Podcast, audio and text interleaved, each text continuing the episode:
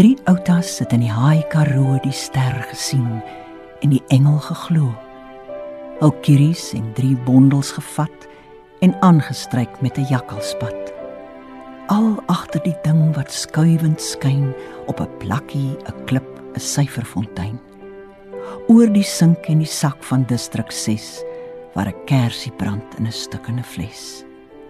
En daar, tussen esels en makriel, die krib gesien en neergekniel.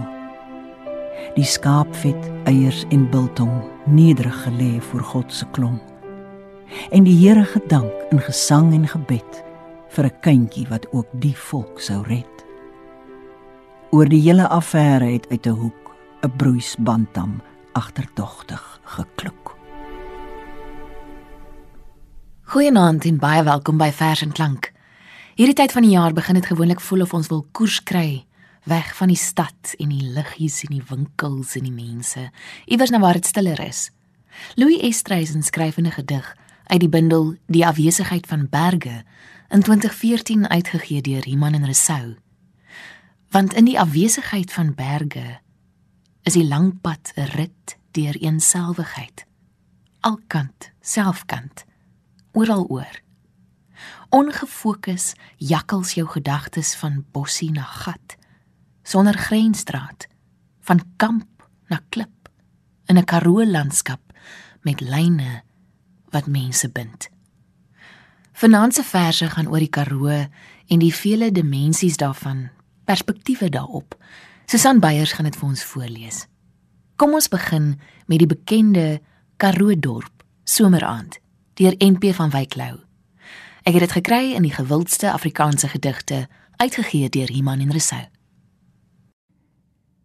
Die laatmiddag het room geword en treine wat ver fluit en 'n witpont klaas skawagter wat waghou op 'n kluit. En rook uit die lokasie rook en by die dorpsdam sing en mense in tennisbroekies loop die koper skemer in. Deur op die nasionale pad loop motortjies onhoorbaar hoog. Oom Appie slagkraal se ou fiets kom staan van self moeg voor die oog. Tantoli met die kanker kom sit op die boardinghuis se stoep. Vanaand gaan hoor ons nog hoe sy die Here en die uile roep. Kom ons luister vervolgens na 'n vers met bykans dieselfde titel. Karoo dorp, herfsaand. Hierdie keer is die digter Luann Stone en ek het die gedig gekry in Nuwe Stemme 4, uitgegee deur Tafelberg.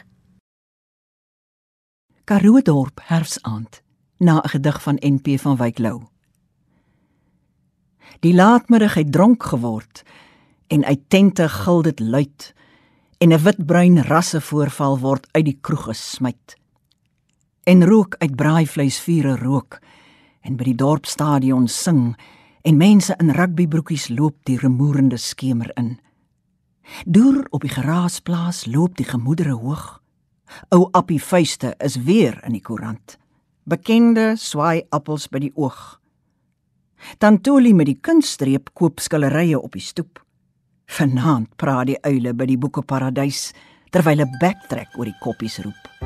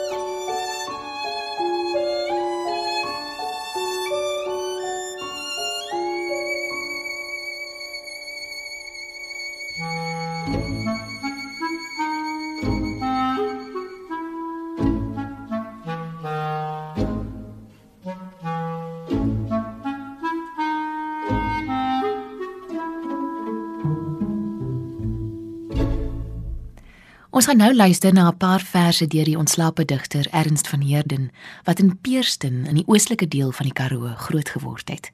Van Heerden ontvang in 1962 die Hertzogprys vir poësie vir sy bundel Die Klop. AP Groewe het die toekenning gemotiveer. Vir hom was daar nuwe motiewe aanwesig, asook nuwe gebruik en skepping van die woordeskat. Ook is die gebruik van beelde en die verstegniek van die digter vernuwe.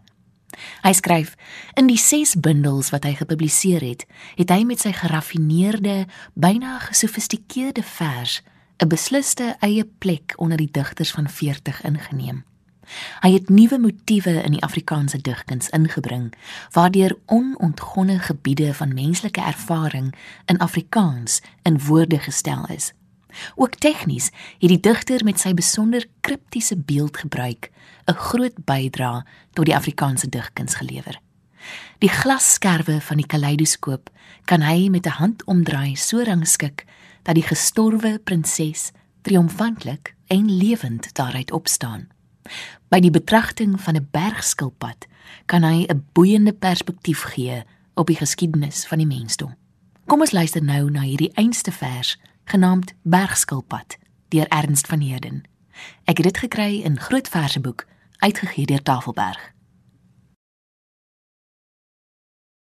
Die jare bonnel in sy oë saam tot ou mens nek en heup jeug stap vereng en tog verhewe bo die grense van die sterflikheid.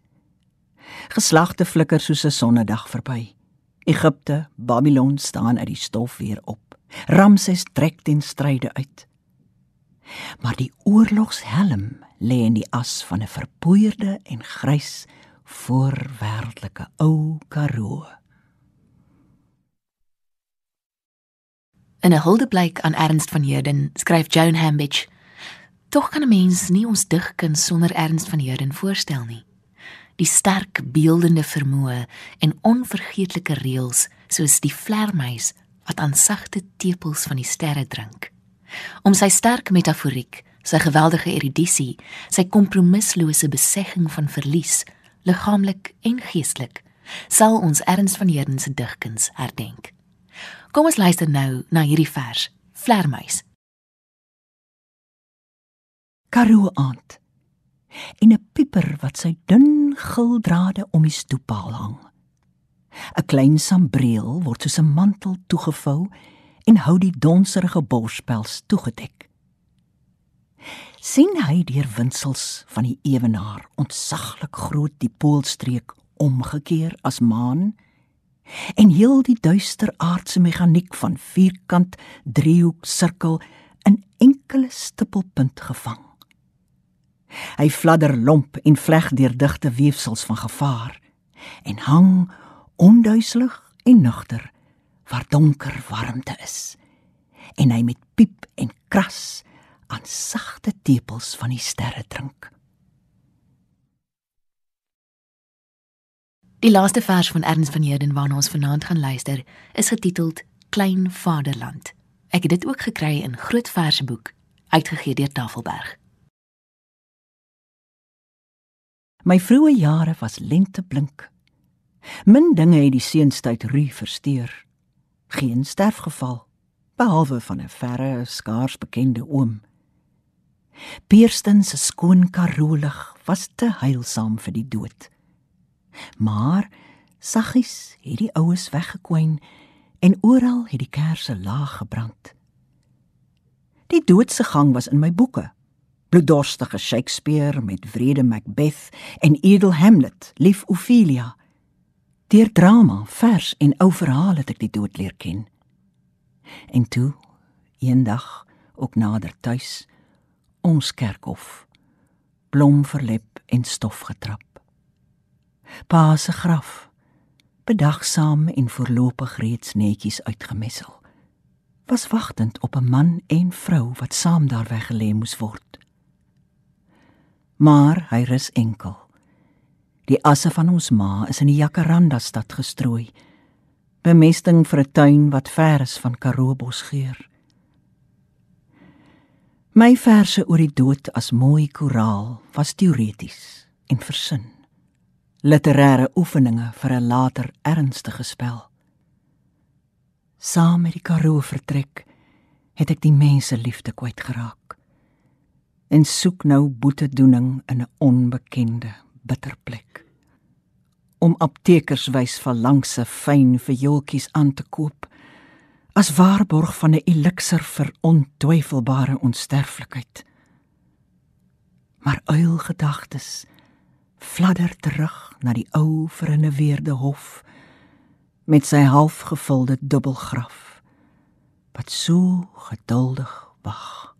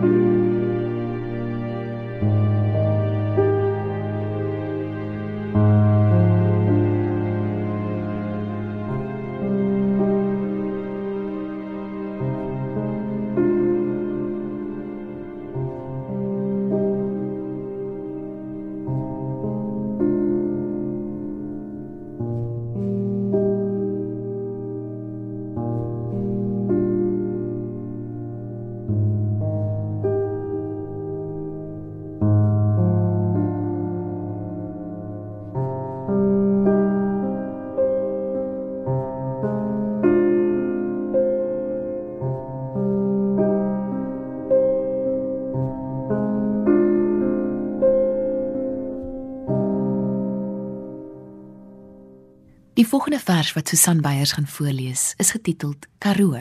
Die digter is Corlia Fourie en ek het dit gekry in die bundel Die goeie vrou en ander mites, uitgegee deur Protea. Na 'n lang, lang saadlose droogte is die Karoo op sterwe. Verdor, verdroog, beplooi. Die moe lyf bult en sak Die eilhaartjie sliert om die kop. Die nierpypies verstop. Die asem verwasem. Maar o, donder weer met die gewaar van 'n bebliksemde minnaar word 'n groen rok oorgegooi. Sy flik vloei, sy swymel, strooi soet geure rond, tintel tot in haar tone. Dans Pramberg in die lug word klam in die holtes, hy groep in die rande. Kom ons luister nou na 'n vers deur Dolf van die Kerk wat hierdie jaar 90 geraak het. Die vers is Swartberg en die bundel Portrette in my gang, ook uitgegee deur Protea.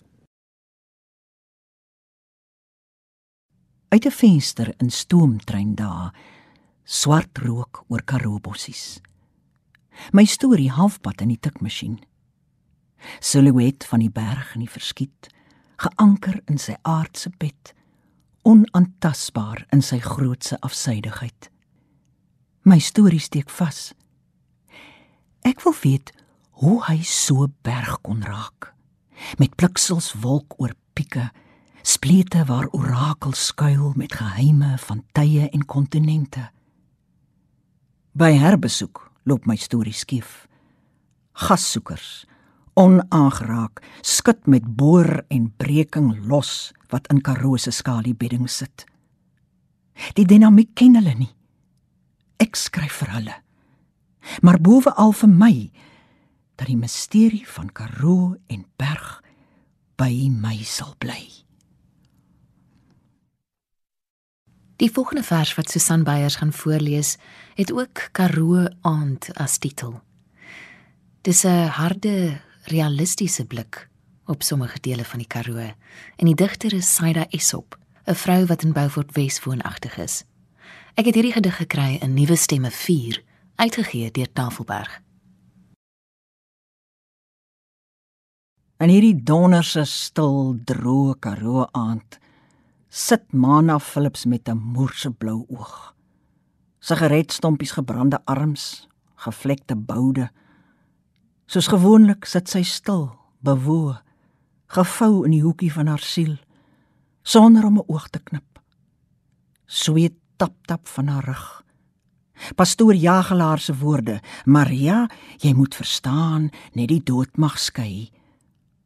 Die evangeliese moer, dis muskietejag, mensejag, elkeen vir homself en God vir almal. Dis nou of nooit.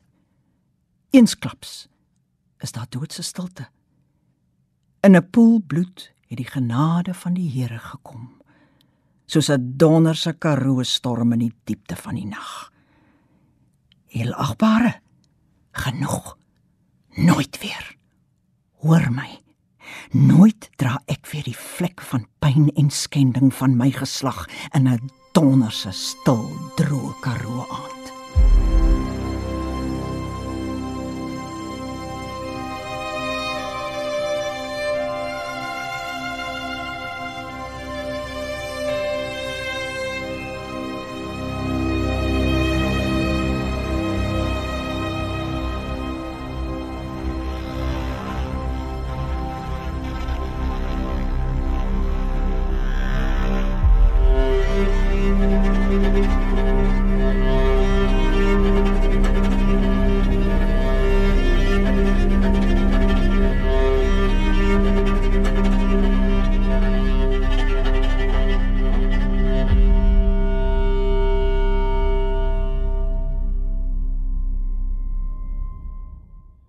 Die volgende vers wat Susan gaan voorlees, sal by baie van u nou 'n verlange, 'n diep verlange, 'n hinkering bring na reën, veral as u tans in 'n dor, droë deel van ons land sit wat water dringend nodig het. Die vers is getiteld Na 'n storm in die Karoo. Dis deur Kasvos en ek het dit gekry in die bundel 1000 dae op jou spoor, uitgegee deur Hond. Donderslae laat die hemel kraak en die aarde benoud na asem snak. Die onweer rammel soos 'n houtwa. Karoo bossies is druppende ou manne. Dan breek die stilte oop. Wolke waaier uit soos vlerke en vlug met skemer in hulle oë na die eindes van die horison. As die storm se donker drif uitgewoed is, fonkel sterre lig en genadig oor die Karoo. In die bundel Die afwesigheid van berge deur Louis Estreisen waarvan ons aan die begin gepraat het, gebruik hy die volgende woorde van Breiten Breitenbach as motto.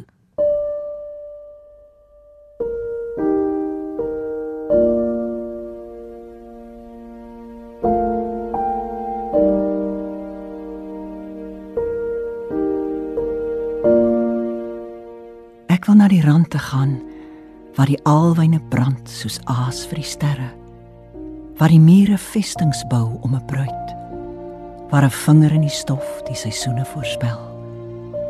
Ek wil die hemel ruim betas. Ek wil op die aarde lê. Ek wil die berge sien loop. Ek wil leef soos net die dood nog kan lewe Van my en ons musiekregisseur Herman Stein, 'n mooi aand vir jou. Waar in ons land of in die wêreld jy jou ook al vanaand bevind. Totsiens. Tot 'n volgende keer.